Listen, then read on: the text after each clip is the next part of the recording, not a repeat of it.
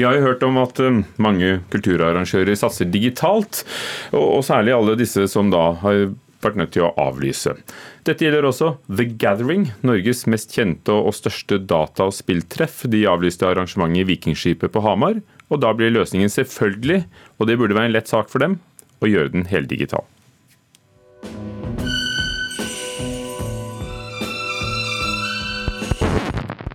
Brått ble hele folkets påskeplaner om fjell, hytte og afterski lagt på is.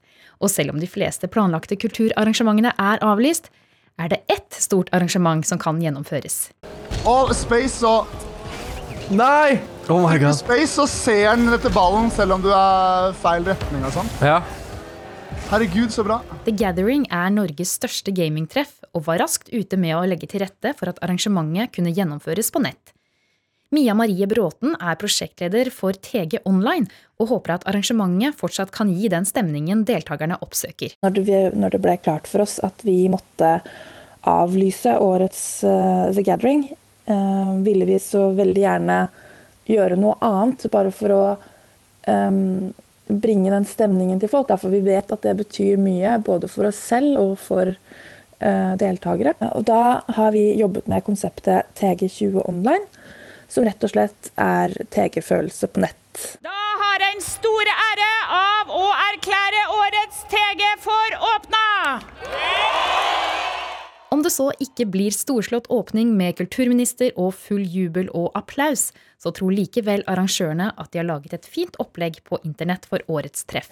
Her kommer vi til å strømme innhold, eh, konkurranser, Uh, være veldig mye fokus på at det skal være sosialt, snakke sammen. Uh, og, og, kunne uh, vise bredden av den datakulturen som vi har på The Gathering. Da. Jeg tenker det er kult at de prøver å flytte det over til at det i hvert fall er noe da, for de som deltok. Nå har vi jo fått muligheten til å få nye billetter for neste år, men at de fremdeles prøver å få til noe i år, er veldig gøy for alle som sitter hjemme nå kanskje ikke har så mye å gjøre. Dette sier Ole Jørgen Gjerstad.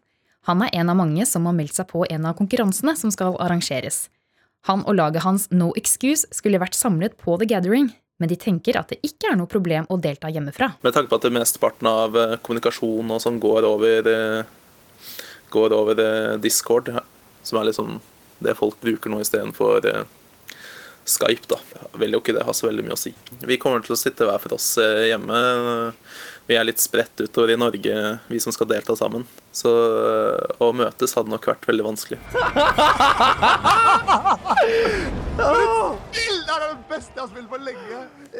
The Gathering.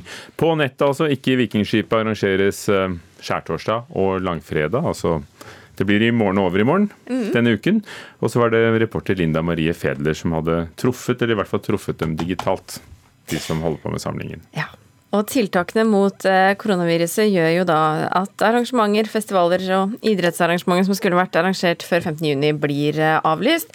Og slik begrunner kulturminister Abid Raja forbudet. Det er jo ut ifra eh, folkehelsehensynet og hensynet til eh, at vi ikke skal smitte hverandre. Det er jo liv og helse som eh, går først. Og skape forutberegnelighet for alle arrangørene, så har vi tatt en beslutning i dag på at det ikke vil være mulig å avholde store arrangementer frem til 15.6. Så det, videre, det dagens tiltak videreføres frem til da. Kulturkommentator Agnes Moxnes, syns Festival-Norge de nå har fått forutsigbarheten de trenger?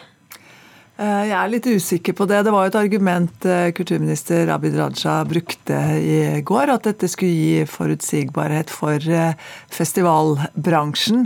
Men jeg ser nok det på, på de reaksjonene som har kommet, at de hadde håpet på litt klare retningslinjer. Jeg tror rett og slett at de hadde ønsket seg en dansk modell. altså Statsminister Mette Fredriksen gikk jo ut for en par dager siden og utvidet eh, forbudet mot store arrangementer til ut august. Nå er det foreløpig midten av juni her i Norge.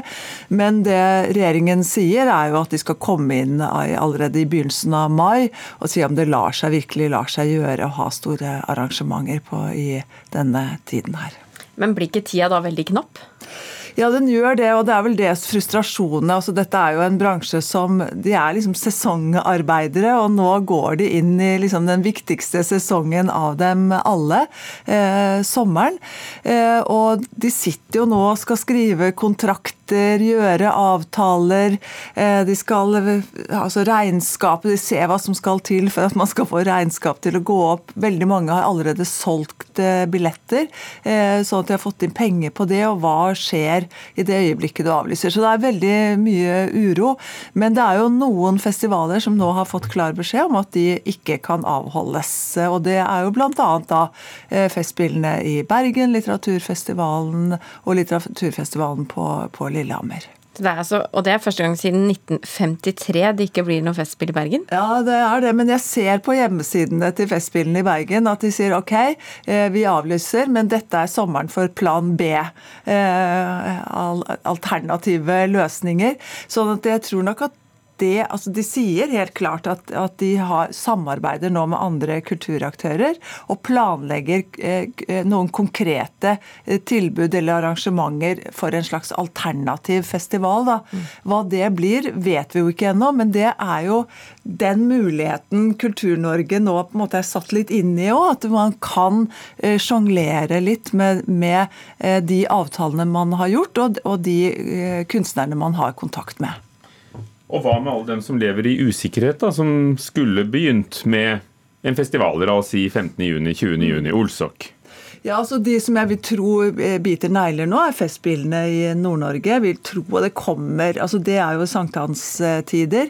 Eh, og det kommer sikkert et svar, klart svar fra dem om de er i stand til å arrangere Festspill i Nord-Norge. Og Det er vel også Festspill tror jeg, som har holdt på siden 60-tallet en gang. sånn at dette, Det er jo veldig uvanlig rett og slett at, at man går inn på altså da avslutter det hele. Det samme gjelder altså, eh, jazzfestivalen i Molde. midten av juli skal de arrangere eller ikke. Alle dagpass eh, til jazzfestivalen er solgt ut. Eh, Stiklestad, eh, de skal begynne prøver. Kan de prøve med de smittevernsreglene som, som gjelder? Altså Det er veldig veldig mange spørsmål som stilles. og Jeg syns nok jeg hørte på Abid Raja også i går at han er i tvil om Han sender ikke klare signaler om at det blir festivalsommer etter 15.6, eller et åpent Norge etter 15.6. Eh, men eh, foreløpig så ser de, venter de og ser. det. Men det er jo sånn at eh, vi Det er jo mye kreativitet, mye som skjer digitalt. Men hva er det publikum går glipp av når det da ikke blir festival? Nei, Det er jo et totaltilbud rett og slett som kommer på gjennom Festival-Norge. Det er alt fra matfestivaler til jazzfestivaler til folkemusikk, spel, alle spelene. Eh, sånn, så de regner med at det er ca. 800 000 nordmenn som kjøper Eller altså at det selges 800 000 billetter til festivaler. Par hundre tusen til spel i løpet av et år. Eh, og da sier det seg selv da, at det er veldig mange mennesker i dette landet her som ikke får et det tilbudet de er vant til å, å få på, på sommeren nå. Takk skal du ha, kulturkommentator Agnes Moxnes.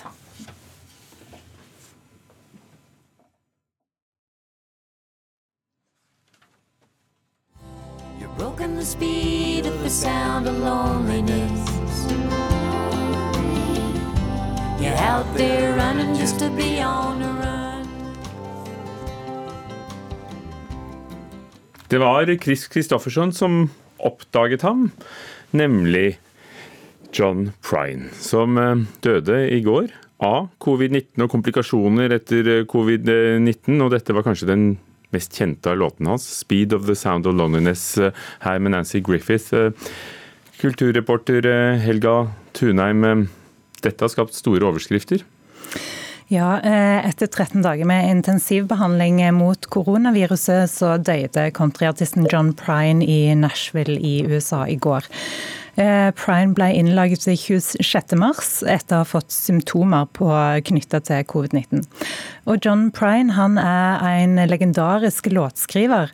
Etter at nyheten om Prines dødsfall ble kjent, så strømma det på med kondolanser i sosiale medier. Både fra kulturværet, men også fra store medier og politikere.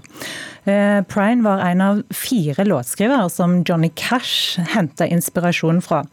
Og Roger Waters plasserer ham på samme nivå som Neil Young og John Lennon. Intet mindre. Og han spilte i Oslo konserthus så seint som 9.2 i år, og han ble 73 år gammel. When I get to heaven, I'm gonna shake God's hand, thank him for more blessings than one man can stand. Then I'm gonna get a guitar and start a rock and roll band. Check into a swell hotel. Ain't the afterlife grand? And then I'm gonna get a cocktail vodka and ginger ale. Yeah, I'm gonna smoke a cigarette that's nine miles long. I'm gonna kiss that pretty girl. John Prine. Når jeg kommer til himmelen, When I Get to Heaven, som eh, døde 73 år gammel etter komplikasjoner av covid-19, altså. Som var eh, mannen som eh, tegnet et bilde av, av hvordan det er å være menneske, ifølge New York Times i nekrologen deres. Nå til eh, det som for eh, mange nordmenn er liksom påskens eh, høydepunkt, nemlig krimmysterier. Men det er jo ikke alltid det passer seg da å sette seg ned foran en skjerm eller med en bok. Da kan du spisse ørene nå, for det skal handle om krimpodkaster, som kan være ypperlig når du steller i hagen eller går en kort tur, som vi, som vi jo kan gjøre. Nina Stensrud Martin, du er journalist her i NRK og mangeårig programleder. Aktuell med podkasten Kidnappet, der du og kollega Eirik Aasheim har undersøkt saken hvor to svenske journalister ble kidnappet i Syria. Den podkasten kan kanskje være årets påskekrim for mange, men men du kaller deg sjøl en podkastnerd. Du har tatt med deg en tipsliste til oss. Du, det har jo blitt mange krimpodkaster etter hvert. Mm. Særlig i kategorien ja. true crime. Eh, hvorfor, eh, eller hva skal til for at du liker en sånn eh, krimpodkast? Og jeg, jeg er ordentlig podkastnerd, ja. Sånn helt på ordentlig. jeg lytter der alle andre gjør andre ting. Altså mens jeg går, står, sitter, sminker meg om morgenen. Får alltid plass til en podkast. Og true crime er jo sånn eh, Man kobler liksom eh, det intellektuelle litt vekk, tenker man. Men jeg tenker at de beste true crimene egentlig er det motsatte. Hvor man eh, setter de på fordi man tenker at nå trenger jeg bare å underholdes og ha noe spennende, og samtidig vite at det, at det er en sann historie. Men hvis den forteller deg noe mer, hvis den vil noe mer, den historien, hvis den vil liksom avdekke noe, lære deg noe, si noe om tida du lever i, om samfunnet vårt, om klasse, hva som helst. Det, bare, gir deg liksom eh, noe mer. Da blir jeg veldig glad. Og særlig hvis det også er laga av folk som er ordentlig gode på lydfortellinga, og som forstår at det på en måte har en, eh, en egenart. Da, at man forteller godt på en helt annen måte med lyd enn man gjør med tekst eller bilde. Eh, hvis det der kommer sammen, da blir jeg veldig lykkelig. Jeg kjenner at radiohjertet mitt også eh, har det bra når du snakker sånn.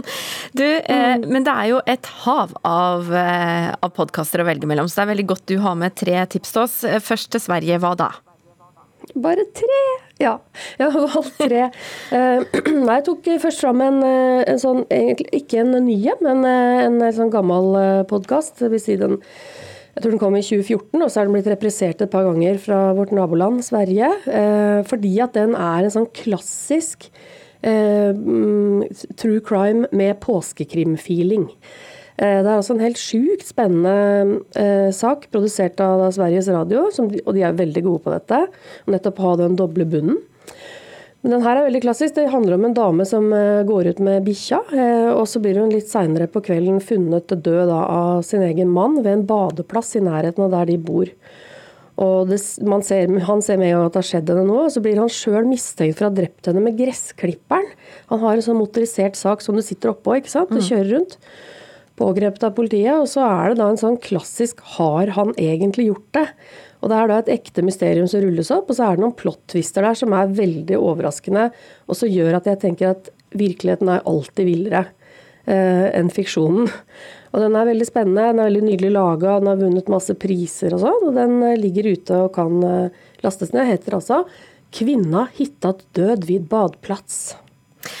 Og så vil du eh, ha oss med til en av sakene som har preget nyhetsbildet og diskusjonen på hvordan vi oppfører oss eh, mot hverandre de siste åra, altså metoo. Eh, hvorfor det? Mm. Nei, Det går jo tilbake til det jeg sier, at disse gode true crimene de, de skal jo, syns jeg, komme og, og gi deg noe mer, da. og det her handler jo da om Nei, sånn metoo crime fra virkelighetens største Hollywood-skandale de siste åra. Fallet til Harvey Weinstein. Og det er da Ronan Farrow, altså stjernejournalisten, som eh, er sønnen til Mia Farrow og Woody Allen, og som i en helt sånn uanstendig ung alder har vunnet Pulitzer-prisen og sånn. Han eh, var jo en av de som sparka i gang den ballen, den metoo-ballen, for, eh, for alvor. Og han begynte å etterforske denne mektige Hollywood-produsenten Harvey Weinstein lenge før andre gjorde det, for å ha utsatt kvinner for seksuelle overgrep gjennom flere tiår. Og det har han skrevet en bok om som har fått mye oppmerksomhet, men han gjorde også lydopptak av dem han intervjua til boka. Og det har blitt en superspennende podkast der du får møte liksom vitnene som til slutt felte Weinstein. Og også høre hvordan Weinstein brukte altså helt sånn spionthrilleraktige metoder for å stoppe han. Og så tipser du også om uh, The Shrink Next Door fra Bloomberg, en um, psykologisk thriller som kommer da fra New York. Den er også et tips å ta med seg. Takk Nina Stensrud Martin, god krimpåske til deg. Takk, i like måte. Og på nrk.no anmeldelser så kan du også lese om hva norske krimforfatteres tips til krimpodkaster nå i påska er.